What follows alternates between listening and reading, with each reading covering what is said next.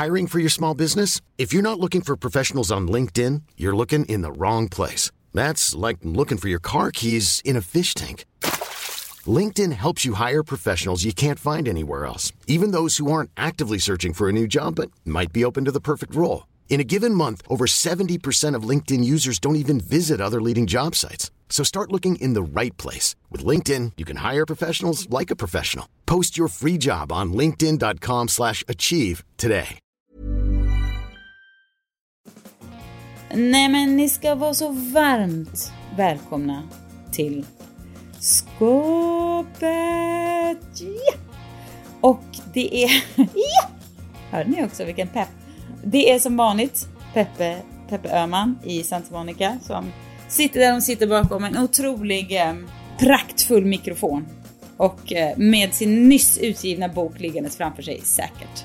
Vi har också Johanna Svanberg som är hemma i sin eh, grotta i, i Vasastan i Stockholm. Tjenare, tjenare. Och eh, du sitter väl också med en nyss, inte utgiven bok, men ett nyss inlämnat bokmanus. För så håller vi på i den här podden. Så mycket böcker som pågår. coola grejer. Mm. Ja, tyvärr inte, har inte jag skrivit en bok, men jag... Du har många inom dig som bara inte har kommit ut än. De, de finns där. Ja, så är det. Så är det. Och jag då, jag heter Cecilia Blankens och är hemma hos min mamma faktiskt. Och eh, jag är liksom på genomresa och landade till hemma hos min mamma. Och det är väldigt mysigt att vara utan barn och man hemma hos sin mamma. Och det är liksom, man får vara nästan lite liten. Men du har hunden med dig eller? mysigt. Jag hörde en. Ja, jag har två hundar med mig. Ja. Som vanligt. Ja. Det är som en kroppsdel.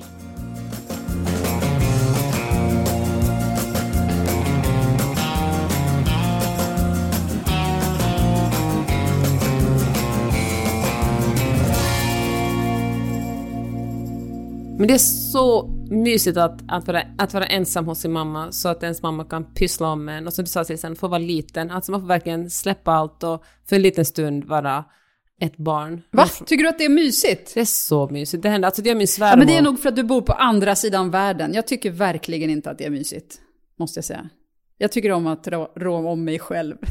Jo, men, Men, du kanske inte eh, har ja. varit själv. Jag, jag skulle säga att det är förvånansvärt mysigt. Har du varit själv hemma hos din mamma och blivit ompysslad på länge? Eh, alltså, ja, vad innebär det? Att någon lagar middag till en? Eller vad menar ni Men med så här, när jag kommer, Menar att någon går och när jag flätar kommer hem till min, till min svärmor som jag faktiskt träffar oftare än min, min mamma, då, brukar, då vet hon precis vilken frukost jag tycker om, så hon har köpt det. Och sen när jag sticker upp på morgonen då har hon kokat kaffe och, och liksom kokat ett ägg för att och det, är så, det är så mysigt, och hon bäddar sängen, det är så, jag känner mig så älskad när jag kommer dit. Ja, jo, jo visst. Alltså, jo, det är klart att det är trevligt att komma hem till någon som, Ja, som visst, det är fixar, väl- men... Det är väl okej att vara älskad, men... Va? Ah, Nej, men jag, jag, jag kan inte se det som en så här bara, åh, nu vill jag bli ompysslad av min mamma. Men det är också, jag bor ju liksom några kvarter från min men mamma. jag så att- tänkte precis på det. Det kan ju vara det att du bor ju väldigt nära din mamma och ni kanske liksom småses titt som tätt sådär. Så det inte blir liksom... Ja, exakt. Så att det, är nog, det är nog det som är grejen. Ja, det blir inte en Att, sån eh, grej att man ses. Mm. Jag träffar ju min mamma, jag vet inte, tredje månad kanske.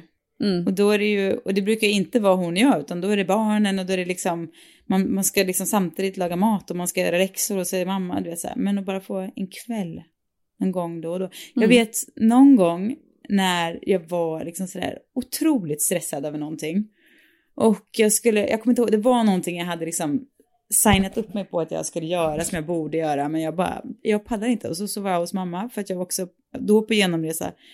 Och mamma som verkligen inte är typen som inte är så här, du vet hon är alltid så här, jag kämpar på, det klarar du. Hon var så här, nej, jag tycker bara du ska ställa in det där och så stannar du här och sover här och så tar du dig en riktigt god nattsömn och man bara, ja, så gjorde jag det och det var så underbart. Men alltid tycker jag när någon ser att man liksom behöver lite, när man blir sedd i att man är liksom lite klen eller lite skör, så känns det ju väldigt, väldigt fint. Och om man får tillåta sig själv att vara svag och skör och liksom lite liten, det är ju sällan, ja. känner jag i alla fall, man ska alltid vara så himla stark och duktig och presterande. De små stunderna när man bara låter någon annan... Du vet, det vackraste ordet som finns är någon som säger I got you. Ja, verkligen. På tal om det här I got you-känslan, så nu när eh, Will Smith eh, Oscarsgalan situationen har, den har landat. Eh, då finns det ändå en känsla i mig som jag liksom inte kan riktigt komma över och det är att någonting i mig har liksom, drömmer alltid om att bli liksom försvarad på det där djuriska viset. Om man nu eh, kan välja att säga, tänk om man är Jada Pinkett Smith. Man har Mm. liksom mm. haft det skitjobbigt med att man tappar sitt hår. Det är liksom svinjobbigt. Man kämpar och kämpar och kämpar. Man är så här, ah, men jag går till Oscarsgalan utan peruk. Jag bara står här som det är liksom. Och så kommer någon och bara liksom drar ett skämt och det är typ någonting man haft ångest för svinlänge att någon ska göra. För man bara, nej, det, jag pallar inte det tyvärr. Jag är liksom inte stark nog för det. Och så kommer någon och gör det. Och upp flyger ens man sen, vadå, 30 år tillbaka och bara nita till den jäveln. Finns det inte någonting i en som bara liksom, nej jag älskar, våld kanske inte är liksom att föredra. Men det finns ändå någonting i mig som, som tycker att det där är så romantiskt liksom. Eller jag vet inte, så fint. Eller, Ja, alltså jag tycker fortfarande bara att det är en så himla konstig grej. ja, kon konstig grej, absolut. Men jag, jag, tänker, jag tänker mycket på, för att det, det finns ju den här teorin om att, för att ni vet att det kommer ju, alltså de gick ut med att ah, vi har ett öppet förhållande, bla bla bla. Men sen har man ju samtidigt bara fått hört om att det verkar luta åt att det är hon som har ett öppet förhållande. Vilket då kanske har, Ja, ja. vad Du heter tänker det, att hon det. avmaskulani- maskuliniserad, vad säger du, avmaskul... Mm. Ja. Att han blir mindre maskulin av det. Och att det här var ett sätt för honom att rädda upp sin maskulinitet, den här drömmaskuliniteten som, som du ser det. så, för att han, ja men du vet, han måste vara så här eh, råmacho igen. Och då går man upp och slår till någon Ja. som säger något om ens fru, eller säger att ens fru Så inte det är snygg Jadas nog. fel menar du allt det här? Va? Det är Nej, Jadas fel, Det säger jag inte alls. Jag, jag jag- säger att det, är han, att det är Will som har ett konstigt sätt att hantera att han måste, tycker att han behöver bli manligare igen efter att de har gått ut med att de har ett öppet förhållande. Eller också har hon haft ett öppet förhållande med Chris Rock. Fast jag tänker också så här att Will Smith sa väl att han ligger så mycket runt att han spyr nästan när han får orgasm för han är så trött på det. Så att han är väl försöker... att, Fast var inte det förr i tiden som han gjorde det? Är det fortfarande Jaha. han kräks? jag har liksom ingen jättebra koll exakt när han gör det. Nej, jag har inte läst den där boken. Men jag tänker, alltså jag tänkte på två saker. Ett, jag förstår sistone det där, liksom att det kommer någon och beskyddar en och riddar en, men det är ju också så väldigt äckligt manligt det där att man blandar ihop kärlek med våld. Att eh, man säger att nej, jag gjorde det här i kärlekens eh, namn. Man bara, men gjorde du verkligen det? Alltså jag tror att han gjorde det kanske mest för sig själv än för henne. Men en sån här sak tänkte jag också, alltså Chris Rock, han gjorde ju filmen eh, Good Hair, har ni sett den? Ja, Den kom ut för, älskade det den. måste vara över tio år sedan. Ja men som jättebra som handlar om liksom amerikansk, alltså svarta amerikanska kvinnors relation till sina hår och hur stor betydelse hår har för liksom Amerik- alltså svarta kvinnor i USA. Det är kompli- komplicerad Americana relation också med hår på så många sätt. Att man liksom lägger så mycket tid och pengar på att göra det rakt. Liksom, varför då? Och så vidare. Sådana frågor ställer den. Exakt, jätte, jag kan verkligen rekommendera den filmen, superbra. Och jag tycker att det skrev ju också sån här, vad heter hon, Adichie Chimamanda Ngozi i Americana, som också är en jätte, jättebra bok.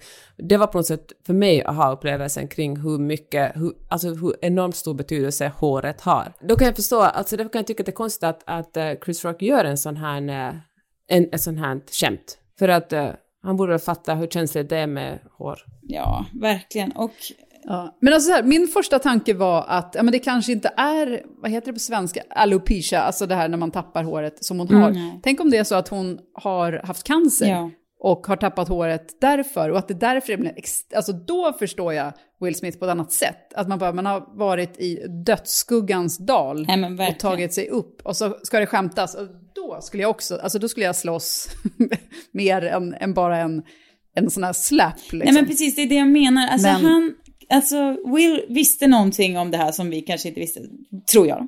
Eller det kan vara så, det är en teori. Och då, och då han vet liksom, det här är svinkänsligt för henne. Jag bara, jag pallar inte att de gör så med min fru. Jag pallar inte det. Och hans liksom känsla är så här, jag, jag, jag, liksom, jag sätter hela mitt liv och värdet, allt på spel för den här personen som jag älskar så mycket.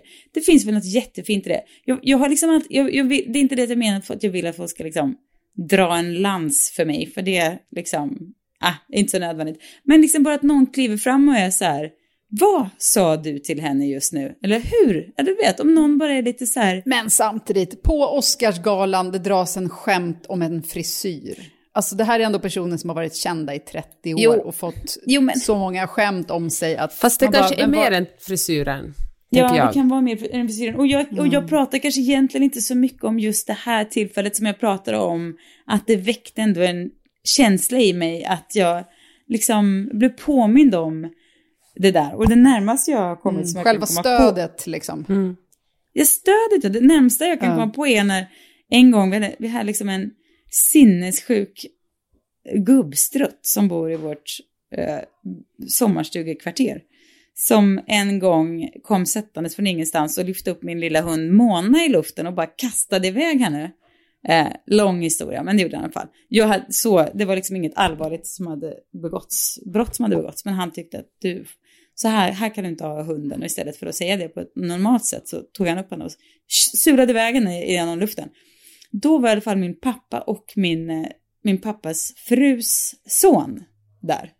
Och de bara ställde sig upp utan att bråka med någon. Det var liksom verkligen inte våld i luften. Men de liksom direkt bara reagerade och bara var så här, vad gör du? Och det tyckte jag så mycket om. Jag älskade att, att jag inte var ensam i det, utan att de liksom direkt försvarade inte bara mig, utan också min hund.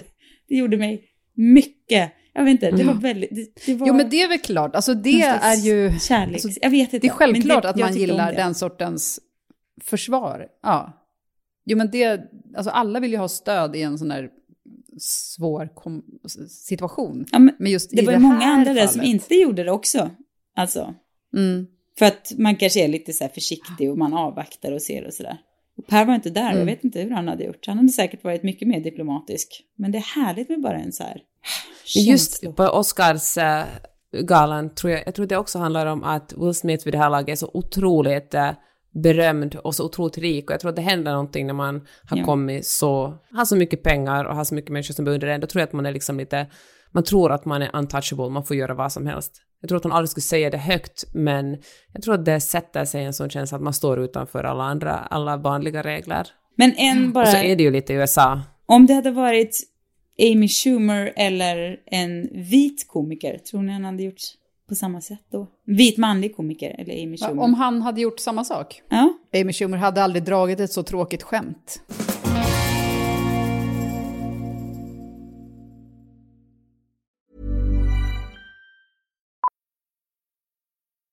Millions of people have lost weight with personalized plans from Noom, like Evan, who can't stand salads and still lost 50 pounds. Salads, generally, for most people, are the easy button, right? For me, that wasn't an option. I never really was a salad guy. That's just not who I am. But Noom worked for me. Get your personalized plan today at Noom.com. Real Noom user compensated to provide their story. In four weeks, the typical Noom user can expect to lose one to two pounds per week. Individual results may vary. Ever catch yourself eating the same flavorless dinner three days in a row? Dreaming of something better? Well, HelloFresh is your guilt-free dream come true, baby. It's me, Kiki Palmer. Let's wake up those taste buds with hot, juicy pecan-crusted chicken or garlic butter shrimp scampi. Mm. Hello Fresh. Stop dreaming of all the delicious possibilities and dig in at HelloFresh.com. Let's get this dinner party started.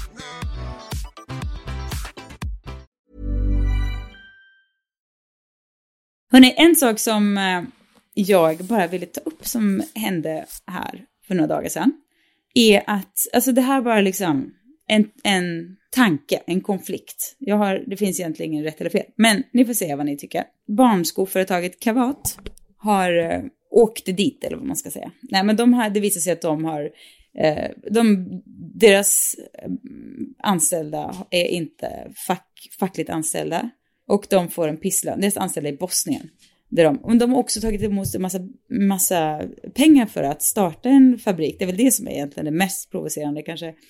Starta en fabrik i Bosnien eh, och den fabriken då skulle gå i linje med liksom svenska anställningsformer och svenskt sätt att driva företag och sådär. Det har ni kanske sett? Jag, jag läste den rubriken. Nej, jag har faktiskt missat det helt. Ja, ja, ja. men så var det i alla fall. Och då, och då gick liksom vdn ut så var så här, det här är, ja, försökte rädda sig på något vis. Men, eh, och jag läste det här med stort intresse eftersom jag har jobbat mycket med kavat och känner de här människorna eh, ganska eh, väl. Ehm, men då tänkte jag också på när Blankens ett tag provade på att göra barnskor.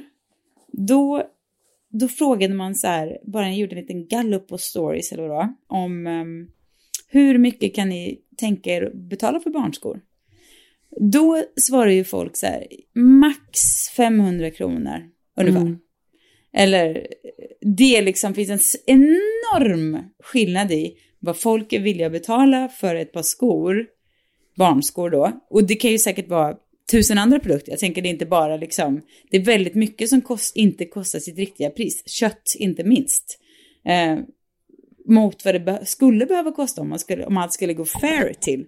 Och då tänker jag att jag, jag liksom vill inte försvara kavat på något sätt, för det var väldigt länge sedan jag jobbade med dem och det slutade inte särskilt vanligt där heller, så att det är inte liksom, det är inte mina kompisar så, utan jag, jag, bara, jag bara, tanken har slagit mig att det är så lätt att vara så här, hur kan man göra så? Och sen så bara, fast jag vill inte betala mer än 500 kronor. Å andra sidan har ju Kavats, är ju Kavats priser mycket högre än 500 kronor. Så jag förstår om man betalar mm. en så dyr sko så förväntar man sig kanske att allt ska ha, att allt ska vara fair och schysst och sådär. Men äh, ni förstår vad jag menar. Folk, då inkluderar jag mig själv också. Vi är liksom snåla men vi vill ändå att allt ska vara väldigt måna om att allt ska gå rätt till. Men vi vill ju inte liksom mm. helst inte betala för det. Jag tänker på det för att um, jag tycker att ett argument, det kanske här är ett gammalt argument, men att ofta, åtminstone förr så sa man så här att, att eh, så här, H&M och andra så här snabbkedjor med fast fashion, att det är, de demokratiserar mode på något sätt, att, att alla, ska, alla har väl rätt att klä sig snyggt, och det är därför det är viktigt att det också finns liksom billigare kläder. Men, eh, och det är ju en solidarisk tanke på många sätt, förutom att den solidariteten tar ju slut när man lämnar Sverige och eh, det finns ju liksom folk som tjänar ännu mindre då eller som verkligen kanske utnyttjas till och med som producerar de här kläderna. Men jag menar man ska ju kanske veta, man ska veta att en barnsko kostar ju lika mycket om inte mer än en vuxensko att producera. Uh, men det är väldigt få personer som vill betala för det och jag gav väldigt snabbt upp idén om att göra barnskor för att det är som sagt det finns ingen chans att tjäna pengar på det om man liksom mm. För att mm. ingen vill betala för barnskor. Och det fattar man ju för såklart, för barn växer ur tre ögonblink så är skon urvuxen. Ja. Ja. Ibland hinner man inte ens få på skorna, alltså få, efter att man har beställt dem tills de har ja. vuxit ur. Ja, och jag, det är klart att det är problematiskt. Men jag, jag vill bara liksom kast, skicka med den här. Och det behöver, inte alls, det behöver inte alls handla om kavat, men jag tänker att det för oss människor tror jag att vi måste vara, vi måste sluta vara, liksom, vi måste förstå att saker är orimligt billiga. Köper du dina barnskor på ICA Maxi, då är det för att, eller ICA Maxi, vad vet jag, men köper dina barnskor för 400 spänn, då är det för att någon annan har betalat priset. Mm. Och det, det är mm. inget att ens fundera på om det är så, utan garanterat är det så. Om det är så för Kavats skor som görs i Bosnien, så, så ja, så är det ja. så bara. Men det gäller ju inte bara barnskor heller. Nej. Det gäller ju t-shirtar och underkläder och jeans och ja, vad man eller, än köper. Såklart. Eller en fläskfilé för 69 kronor eller vad det kan vara. Nej, men, Gud, ja. Ja, det är verkligen inte bara, utan det, det, det, det är liksom, ja. Och där kan man ju verkligen börja ställa alltså högre krav på att man så här, säg, alltså när ett pris är orimligt billigt så vill man, ska man väl åtminstone kunna få veta varför liksom. Det här är så billigt för att vi hade väldigt billig arbetskraft och usla material. Maria Soxbo som är aktiv inom Klimatklubben, hon eh, la ut en grej på Insta som jag kommer att tänka på när du berättar om Kavat. Det är att eh, ofta säger man sådär att vi måste shoppa mindre, vi måste flyga mindre och konsumera mindre på det stora hela. Och hon refererar till en forskning som gjordes vid Leeds University. Och så här är det, om man ska ha en exakt siffra är det så här, man kan köpa tre nya klädesplagg om året, inte mer. Mm, där är jag helt körd. Alltså. Ja, helt körd. Mm. Ja. En kort flygresa vart tredje år. Ja, körd och, eh, mm, körd. En ja. lång flygresa vart åttonde år. Ja. Där är jag, jag är inte körd än, men eh, ja, min nästa flygresa blir alltså om typ sex år. Men du har ju desto fler mm. kortare flygresor, så då har du väl ja, ändå liksom... Ja, exakt. Precis, och där har jag kört jättemycket. Och i sju år kan man behålla smartphones och annan teknik. Ja, det kan, jag, det kan jag gå med på. Om de bara höll så är det inga problem för mig. Ja, exakt. Så att där är jag också körd. Men, det, men om de bara håller så är det väl inga problem, absolut. Okej, ja men det där är ju ganska tuffa bud alltså. Men det är härligt när det finns ramar och tydliga regler och sådär. Absolut. Men, men det är absolut Jag började ganska... direkt tänka, hur många känner jag som inte flyger alls? Hur kan jag ta över deras flygrätter? Ja, jag få köpa din resa tack? Ja, det funkar inte alls. De där kläderna, här, du får mina gamla kläder istället, Ja. så köper du inte någonting, utan jag tar dina nyköp, okej? Nej men vet du, jag tänker en sak Johanna som vi faktiskt borde bli väldigt mycket bättre på i vårt liksom, men, eller du också Peppe, men du bor ju så långt bort så att jag blev tvungen att exkludera dig. Men det är ju att man kan låna kläder mycket flitigare av varandra. Ja, men du, vi hade ju en otrolig idé kring det Jaha. härom veckan. Ja, Jag minns att vi har diskuterat det här. jag tror Det var faktiskt med det. Ebba vi diskuterade. Ah. Var det i podden till och med? Ja, herregud, jag minns inget. Jag har så många otroliga konversationer. Ja. Jag kan aldrig minnas var de är någonstans. Nej, men att man, en, en app som, ut- där man liksom kan dela sin garderob med sina vänner. Ah. Som en, som, du vet, som en Tinder med kläder Ja. i bekantskapskretsen. Jag tycker det är så mysigt att, att låna kläder. Jag tycker det verkligen är... Det finns en, en extra mysighetsfaktor där. Ja. Det känns som man blir ännu lite bättre vänner när man lånar varandras kläder. Ja, det, det tycker jag att vi ska sparka igång. Som någon slags, det kan ju vara bara en WhatsApp-tråd, vad vet jag. Alltså, gud jag skulle verkligen vilja ha en, sugen på att ha en kavaj som är rutig, någon som har den, jag kan få låna ett tag och känna på det lite. Och jättekul. Mm. Det är väl ett, Elgalan. Ska vi klä oss helt i lånade kläder då? ja, bra idé. Är det utmaningen? Ja, mycket bra idé. Sprid den. Eh, Jag ska rakt in i Ebbas Ja. och rota. Där tror jag det finns mycket. Ja, bra. Kan ja, vi lära jag- känna Emilia Deporé bättre tills dess så att vi kan utnyttja även hennes? Exakt. Nu gäller det att liksom vara, inte liksom en social climber utan mer en så här wardrobe climber. att man Wardrobe bara climber. nästlar sig in bland folk som har... Exakt. Garderobsklättrare. Mm. Vems garderob i hela världen skulle ni välja om ni fick liksom ta över? Eller bara utforska eller låna hur mycket ni ville under ett år? Vad svårt. Nu tog du mig på bar igen. Men jag vet direkt säga. jag skulle säga. Jaså, säg då. Ja, men det här var, det är nästan för tråkigt av mig att säga, men jag skulle välja Carla Welch, Ja. stylisten till, ja, den bästa stylisten. Möjligtvis skulle jag välja Tracy Ellis Ross i och för sig. Jag trodde du skulle säga Tracy Ellis väldigt- Ross som första. Hon har en väldigt bra garderob, Ja. Väldigt mycket färg. Eh, Jag läste en krönika av eh, Anna-Lena Laurén som är en DNs korrespondent i eh, Ryssland och hon bor i Sankt Petersburg och hon skriver, hon är också finlandssvensk, skriver också för Hufvudstadsbladet. Otroligt bra person och jättebra kunskap om Ryssland. Och hon skrev att nu hade hon kommit tillbaka till Sankt Petersburg och där frågar en massa ryssar henne om hur man kan flytta till Finland.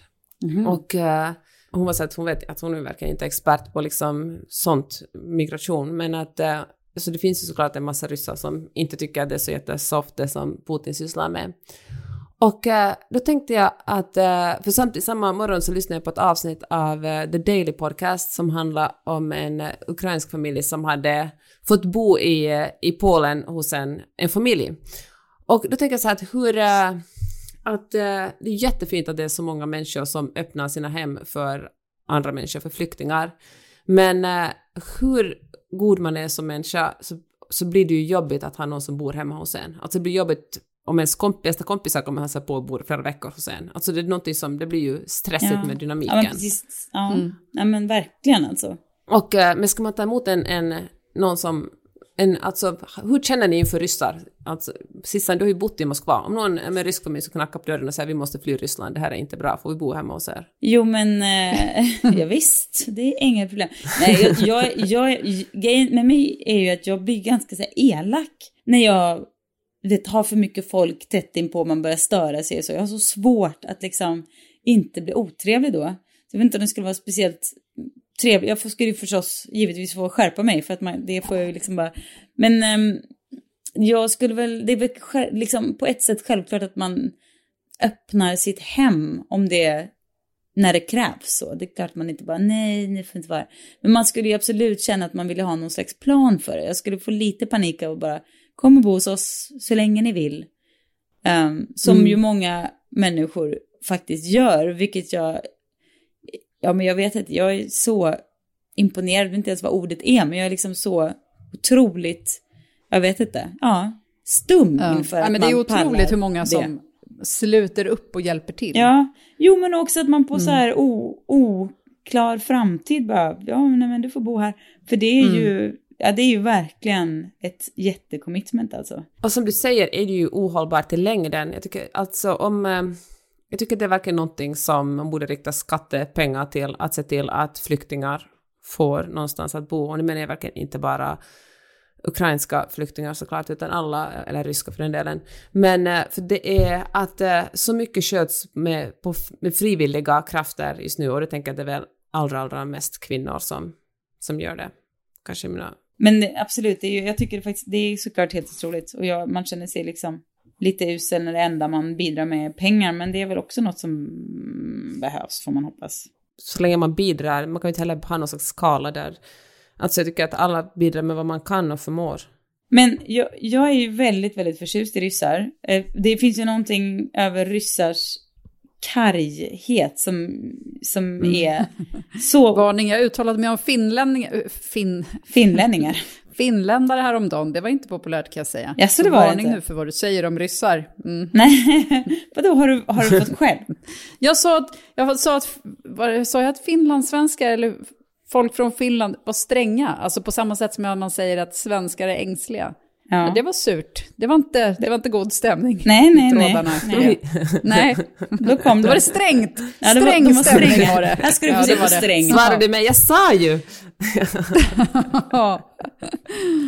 Men, jag, Eh, nej, men jag, så nu blir det karg stämning i trådarna, ska du få veta. Nej, men jag äls- älskar ju ryssar. Men De är ju liksom, jag, det är ju kanske någonting av att de har liksom den här, em, alltså Sovjetbakgrunden där man, där liksom man inte precis har behövt vara service-minded utan man har, ja, det har liksom inte varit en grej utan det har inte spelat någon roll för man tjänar samma pengar ändå och man har sitt jobb ändå. Det finns liksom ingen motivation att liksom anstränga sig lite extra.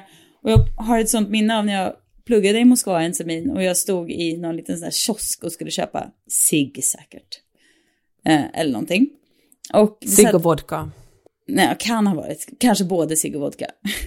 och eh, det satt en så här kvinna där inne och eh, sminkade sig bakom den där. Jag bara, koko, hallå! Eh, knackade liksom på rutan så här, ursäkta, skulle jag kunna få? Hon bara, hon bara låtsades inte se mig. Och sen till slut så bara öppnar hon en litet hål i den här glasrutan och bara, Devorska, ser du inte att jag sminkar mig? Och då, eh, sen dess, alltså jag älskade dem innan, men då bara, okej jag fattar, du sminkar dig, du har, varför ska du liksom, jag får vänta, okej jag väntar, du tills du är klar, okej, okej vi säger så. Och det finns ju något otroligt härligt, det finns ju någon form av liksom, jag vet inte. Men eh, Monica Kichau, min kollega i eh, Blankens kollega som är ryss, vi pratade med henne om Ryssland och vad hon har för, ja, hur snacket går i hennes familj då. Och hon sa att det finns ju förstås olika falanger, precis som, ja, Peppe, du jämförde ju med USA, där det är liksom en välutbildad elit och en annan falang som Ja.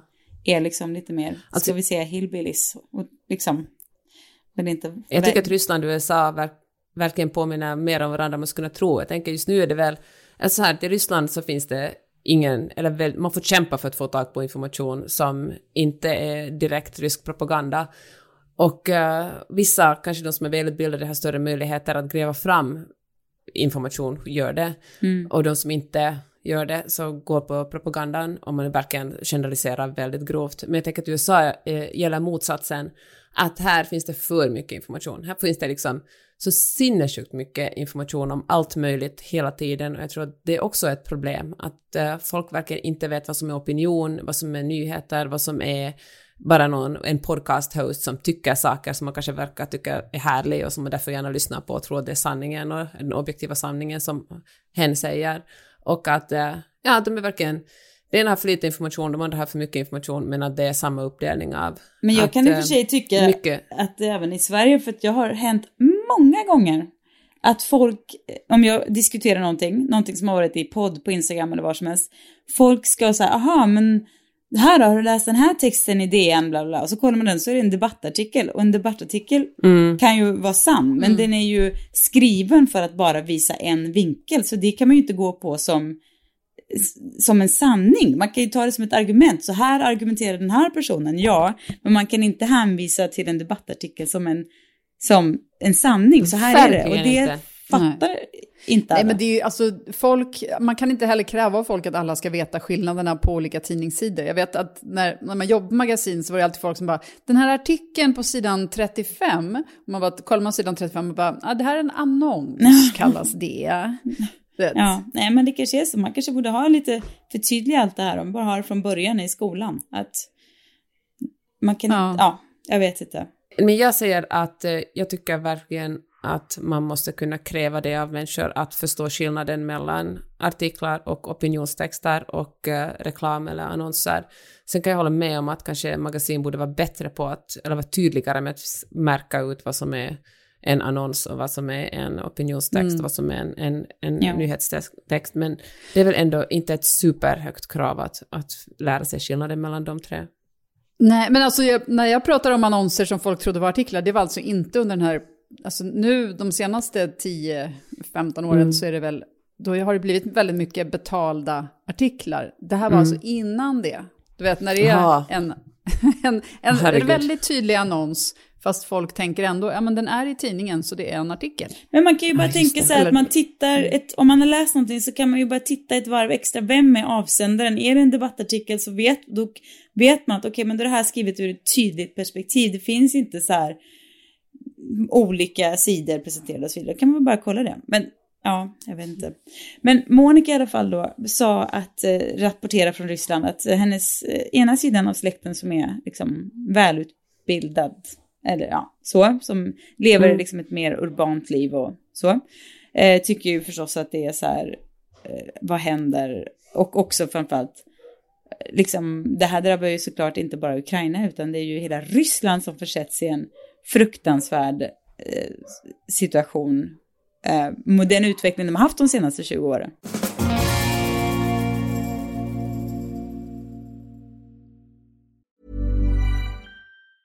Even when we're on a budget, we still deserve nice things. Quince is a place to scoop up stunning high-end goods for 50 to 80% less than similar brands. They have buttery soft cashmere sweaters starting at $50, luxurious Italian leather bags, and so much more. Plus, Quince only works with factories that use safe, ethical, and responsible manufacturing. Get the high-end goods you'll love without the high price tag with Quince. Go to quince.com slash style for free shipping and 365-day returns. Ever catch yourself eating the same flavorless dinner three days in a row? Dreaming of something better? Well, HelloFresh is your guilt-free dream come true, baby. It's me, Kiki Palmer. Let's wake up those taste buds with hot, juicy pecan-crusted chicken or garlic butter shrimp scampi. Mm. Hello Fresh. Stop dreaming of all the delicious possibilities and dig in at HelloFresh.com. Let's get this dinner party started.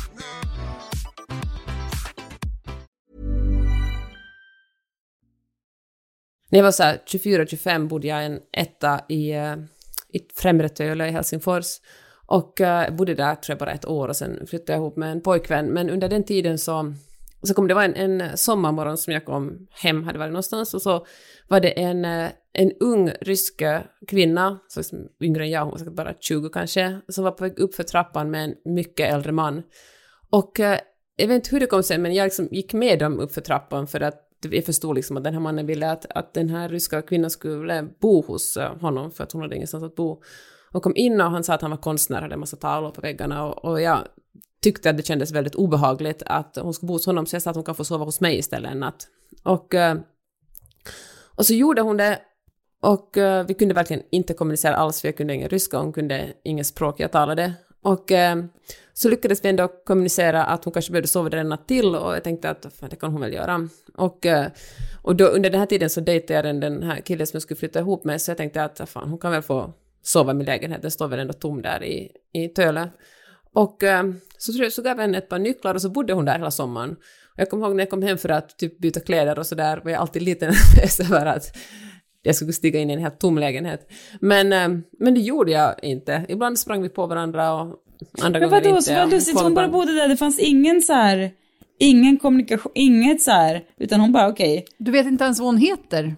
Nej, faktiskt inte. Kan jag söka på henne på Facebook just nu och bara så här sammanföra er igen i ett vackert Russian TV. woman who used to live with Peppe. Exakt.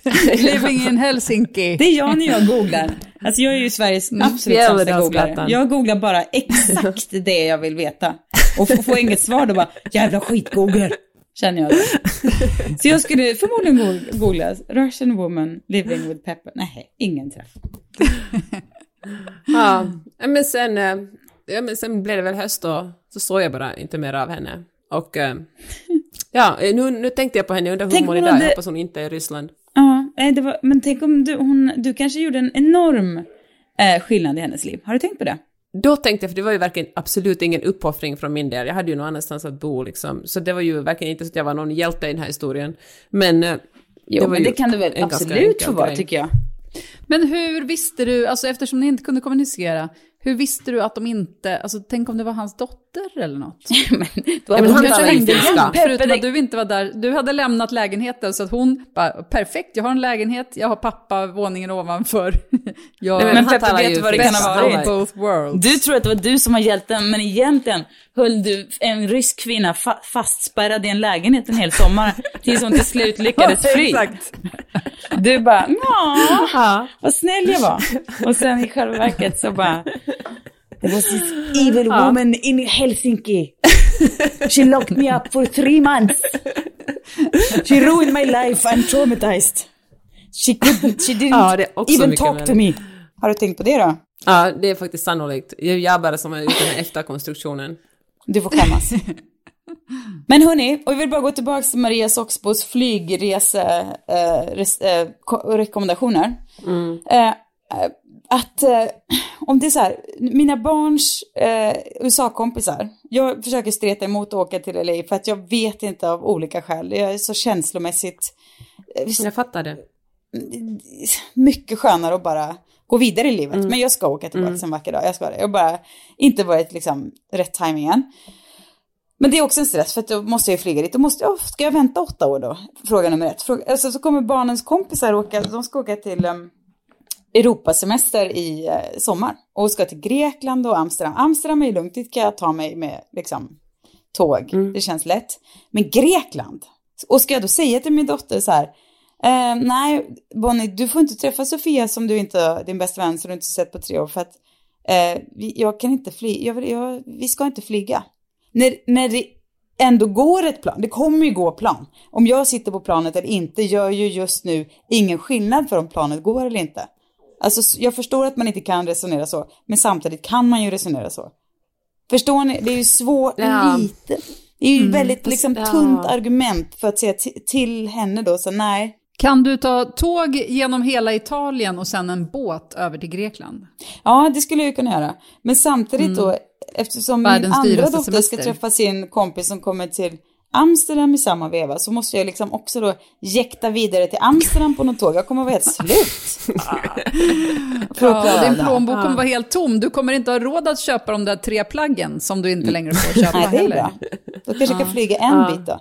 Nej, men ni förstår hur man tänker. Det är ju en lätt sak att säga så här, men sen så kommer ju ett liv däremellan som är så här, jag kanske inte vill flyga, men liksom, det är liksom helt orimligt. Och sen läste jag, jag vill förresten tipsa om, um, alltså Bloomberg är det nog, jo, Bloomberg har en så här Climate News nyhetsbrev som man får ja, varje dag tror jag.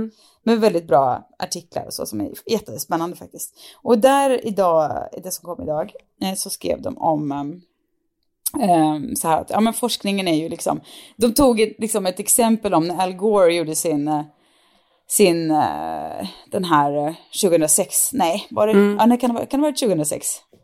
Den här, Ja, typ i hans- trakterna. An unconvenient truth. Ja, precis. Och den slutar med, are you ready to do the change? Och sen så visar de så här, byt till lågenergiglöd lampa. Det var liksom, eh, det var liksom det som, och nu ska vi börja så här. Och nu säger ju forskningen, vet ju, förstår ju, att det, det, spelar ingen roll vilka förändringar vi individer gör. Jo, det gör det absolut. För när vi förändras och när vi, efter, när vi ställer krav så, så kommer ju företagen efter. Alltså att, att liksom mat och mode, flygbolag gör förändringar, det är ju inte för att de är så himla eh, glada och positivt inställda till att eh, förändra sina affärsmodeller, utan det är ju för att kunderna har, ställer de kraven. Så att det gör viss skillnad. Men om vi liksom byter till lågenergilampa, ja, det liksom från en dag till en annan gör ingen så skillnad. Utan det är ju mer ett systematiskt, ett system, vad säger man? En systemförändring mm. som måste ske på ett mycket större plan. Och det är ju det som håller på att hända. Och det är där, liksom, till exempel var vår energi kommer ifrån och om vi använder fossila bränslen mm. eller inte. Det är, det är mycket mm. större plan. Så på det sättet så är det också så här, en flygresa hit eller dit, det både spelar roll och spelar inte roll på något sjukt sätt. Jag är så otroligt kluven ja, mitt i där. Och det finns ju också miljarder människor som inte tänker på det där alls, utan som flyger som om ingenting har hänt. Ja, precis. Att, men samtidigt måste ju någon människa ha lite principer lilla... här. Mm. Amerikanerna bryr sig generellt verkligen väldigt lite om att uh, sluta flyga, kan jag Nej. säga. Då bor jag ändå på ett ställe där folk är generellt väldigt uh, medvetna och uh, liberala. Men, mm. men jag tänker också varje gång jag tänker så här att men min lilla grej har väl ingen betydelse, då tänker jag att då representerar jag alltid miljarder människor. Jag tänker att om jag, Nej, men... det här kanske är ett supernaivt sätt att tänka på, men att om jag gör någonting, då, gör, då är det liksom som att jag är en del av, av miljoner och åter miljoner människor som gör det, men om jag inte gör det, då är jag också en del av dem. Jag tänker att den tanke jag tänker på något sätt finns hos mm. en massa andra och därför måste jag försöka välja rätt. Och du ja. säger ju det här från LA och jag kommer ju att flyga till Stockholm på sommaren så att jag är ju verkligen inte, ja, jag bidrar verkligen till klimatförändringen, men eh, så tänker jag ändå. Men jag tycker det är så otroligt med de här grejerna när det, när det faktiskt har förändrats bland sånt som man inte kan tänka sig eh, skulle kunna förändras. Alltså om vi tänker till exempel rökförbudet, när det kom. Mm. Det kändes ju helt det. orimligt att, alltså ja. lika orimligt som det nu känns att någon har suttit på sin arbetsplats och rökt vid sitt skrivbord, så känns det ju, kändes det ju orimligt då att det skulle kunna genomföras, att ingen skulle sitta i Tranans källare och röka vid bordet. Mm. Liksom. Exakt det exemplet brukar jag ofta tänka på, att tänka att det gick, det som kändes så omöjligt, ja. nu är det helt otänkbart att röka inomhus. Ja men och nu som med sugrören, att man, man tänkte ja. att en sugrör kommer ju aldrig kunna försvinna för att det är så praktiskt när man ska köpa med sig dricka på vägen. Men nu att det är ju bara papperssugrör eller inga sugrör mm. alls. Nej. Och jag, nu när det också börjar bli, ska, ska bli sådana, jag ska inte gå in på det i detalj för att jag har inte den här texten framför mig och uh, så. Men det, det är i alla fall lagstadgas helt nya uh, ansvarstagande för plastfabrikanter. Alltså ska man, uh, ska man producera plast så ska man också se till att den inte hamnar i naturen. Och gör man inte det så, så får man inte producera plast. Kort och gott. Jag kan ha missuppfattat mm. detaljer här, men det finns i alla, det här i alla fall så har liksom klubbats igenom på, um, i, i liksom globalt. Och uh, det, det, sånt, det är ju där det hamnar när vi gör såna här saker som att inte liksom säga att vi vill, nu vill vi inte ha massa plast i våra hav. Men det är därför man också inte kan det är därför man också inte, man liksom, trots att flygplanet ändå går, det är därför man ändå måste vara så här, ja men jag vill inte flyga. Samtidigt som ens dotter sitter bredvid och är så här, jag vill träffa min bästa mm. vän. Då, man sitter i en jävla knipa helt enkelt, det är fan skitsvårt. Har ni några bra rekommendationer den här veckan? Ja, jag har en podddokumentär jag håller på att lyssna på. Jag har inte lyssnat oh. klart, men jag är uh, ungefär mitten.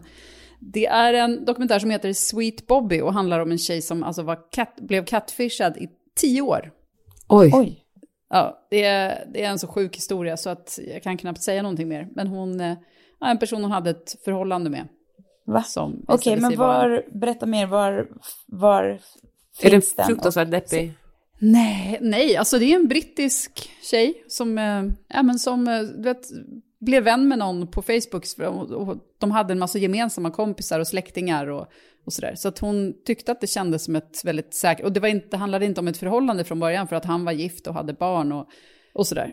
Och sen så blev de kompisar och sen så gick det väl flera år och sen så blev de ihop fast på distans för att han var i New York och hon var i London och, eh, och sådär. Men bara otroligt intrikat, eller intrikat, men alltså Men var inte komplicerad bara ett vanligt- härva av Aha. lögner. Men gud. Nej men då inte direkt pengar, alltså inte ens någonting sånt, men bara... Det, ja, Kan du länka till den i Facebookgruppen och på Insta så att vi bara kan... det kan jag verkligen. Klicka Sweet Bobby rakt in i den. heter den. Jag vill tipsa om eh, en Amy Schumer tv-serie. För, för att den här podden gillar vi Amy Schumer. Den heter eh, Life and Beth. Åh, Och, den eh, är jag Amy så sugen på att se. Mm, Ja, men den är så den. fin. Handlar om Beth som Vart är... finns den? Den finns på Hulu här, så jag vet faktiskt inte vad det finns hos er. Jag håller på att kolla Men- upp här nu. Ja. Och eh, Michael Cera eh, spelar med där otroligt bra. Och ja, men den är verkligen härlig och lite sorglig och, eh, och mest härlig. Jag är rädd för att den ska... Ja, men jag, alltså den är verkligen inte bara haha rolig, för den är också det, men det är också känslor åt andra hållet, vilket jag tycker är väldigt fint. Det är en stor rekommendation på den. Kul. Också genialisk eh, titel. Eh, Life and Beth. Ja, men det är genialisk titel. Ja. Min favorit, eh, min favoritserietitel of all time är ju Transparent. För det är ju så, Mm. det är så otroligt fyndigt bara, namn. Man undrar om de kom på så här, man borde göra en film om en transförälder och, och kalla den Transparent. Undrar om det började så. Så bra Sissan, titel är. jag fattade först nu när du sa det. Alltså jag är verkligen Va? trög. Oj. Ja. Är det sant? Ja, men jag är Ja, inte så grattis. smart, så ja, tack. Ja, ja varsågod. Nej, Life and Beth finns tyvärr inte i Sverige än, men vi hoppas väl att den dyker upp. Vart har du sett den då? Nej, men jag har inte sett den. Nej, jag tyckte du sa det. Okej. Nej, jag ser fram emot den, men jag har inte sett den. Ja. Jag vill tipsa om en serie som Johanna redan har tipsat om, men jag vill tipsa om den ur ett eh, annat perspektiv än Johannas perspektiv. Jag vill tipsa om Husdrömmar Sicilien säsong 2, som, som Johanna jag har kollat på. Och jag har sett den första säsongen och älskade, tyckte liksom att den, alltså, den var väldigt stressande, men man tyckte också, man blev också helt fast. Underbar. Ja, och nu tittar jag på säsong två och man blir helt fast även där. Men vet ni vad som är, alltså absolut att det är liksom spännande karaktärer och det är fluffiga mattor och otroliga lampor och sådär. Men det som jag älskar mest är att man blir så, det är så otroligt skönt att se att man inte är ensamt fuck up liksom. Man bara kör igång otroliga projekt utöver, från, som man absolut inte har råd med, eller har tid med, eller har någon jävla aning om hur man ska gå i mål med. Och man tänker så här, vilken jävla idiot jag är. Men nej, det finns sådana som gör det liksom ännu mer. Och de klarar det ju. Och då känner jag, ah, då kör vi. Alltså då, bara för att jag sett den här så har jag liksom sagt go på ett, eh, en grej som jag egentligen känner så här, nej men det här går inte ihop sig, varken tidsmässigt eller ekonomiskt bara. Men nu tittar jag på serien och bara, ja, jo då, det kan gå. Vi kör. Så jag blev inspirerad på helt fel sätt.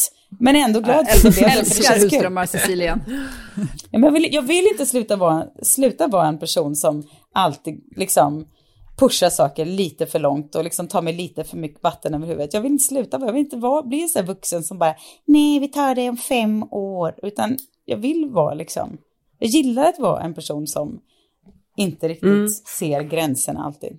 Så tack för det Jag skulle önska att jag var, men, men hon är ju också så inspirerande för att hon får en vision och sen bara kör hon. Ja, Att, exakt. att det finns inga kompromisser, utan det är Nej. liksom bara, det ska bli så som jag har tänkt det. Ja. Eh, och, och sen bara strävar man.